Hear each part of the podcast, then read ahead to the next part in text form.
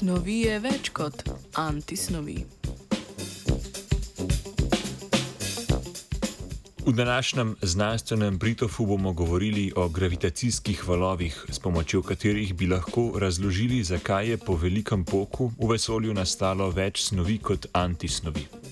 Skupina ameriških in japonskih raziskovalcev ter raziskovalk je pokazala, da teoretični modeli predvidevajo zaznavne gravitacijske valovne signale v dosegu Einsteinovega teleskopa in observatorija gravitacijskih valov DECIGO.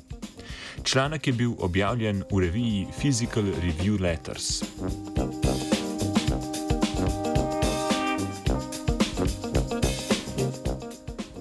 Po teoriji standardnega modela bi morali, morali biti snov in antisnov v vesolju prisotni v enakih količinah, vendar ni tako. To se vidi po tem, da so tako poslušalci in poslušalke kot vse opazljivo vesolje iz snovi antisnov pa zaznavamo le v redkih primerjih.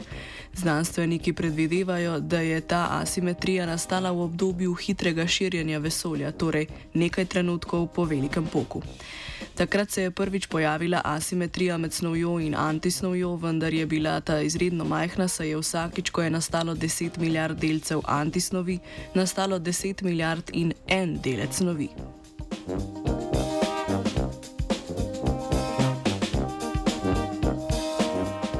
Raziskovalna skupina je ugotovila, da bi bilo v gravitacijskih valovih mogoče zaznati Q krogle, skupke konstantnega števila delcev.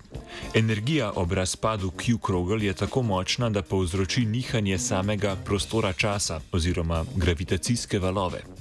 Analitični argumenti in simulacije predvidevajo silovito rast masne distribucije in razpad kvantnega naboja Q-krogel na fermione, osnovne delce s polcelim spinom.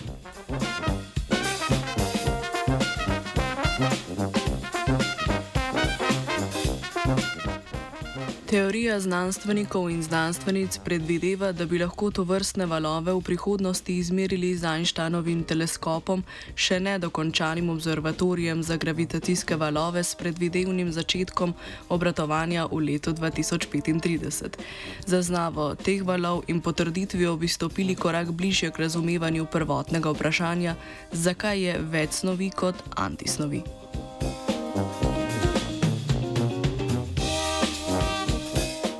Zakaj mi in preostali svet snovi obstajamo, se je spraševal vajenec Max.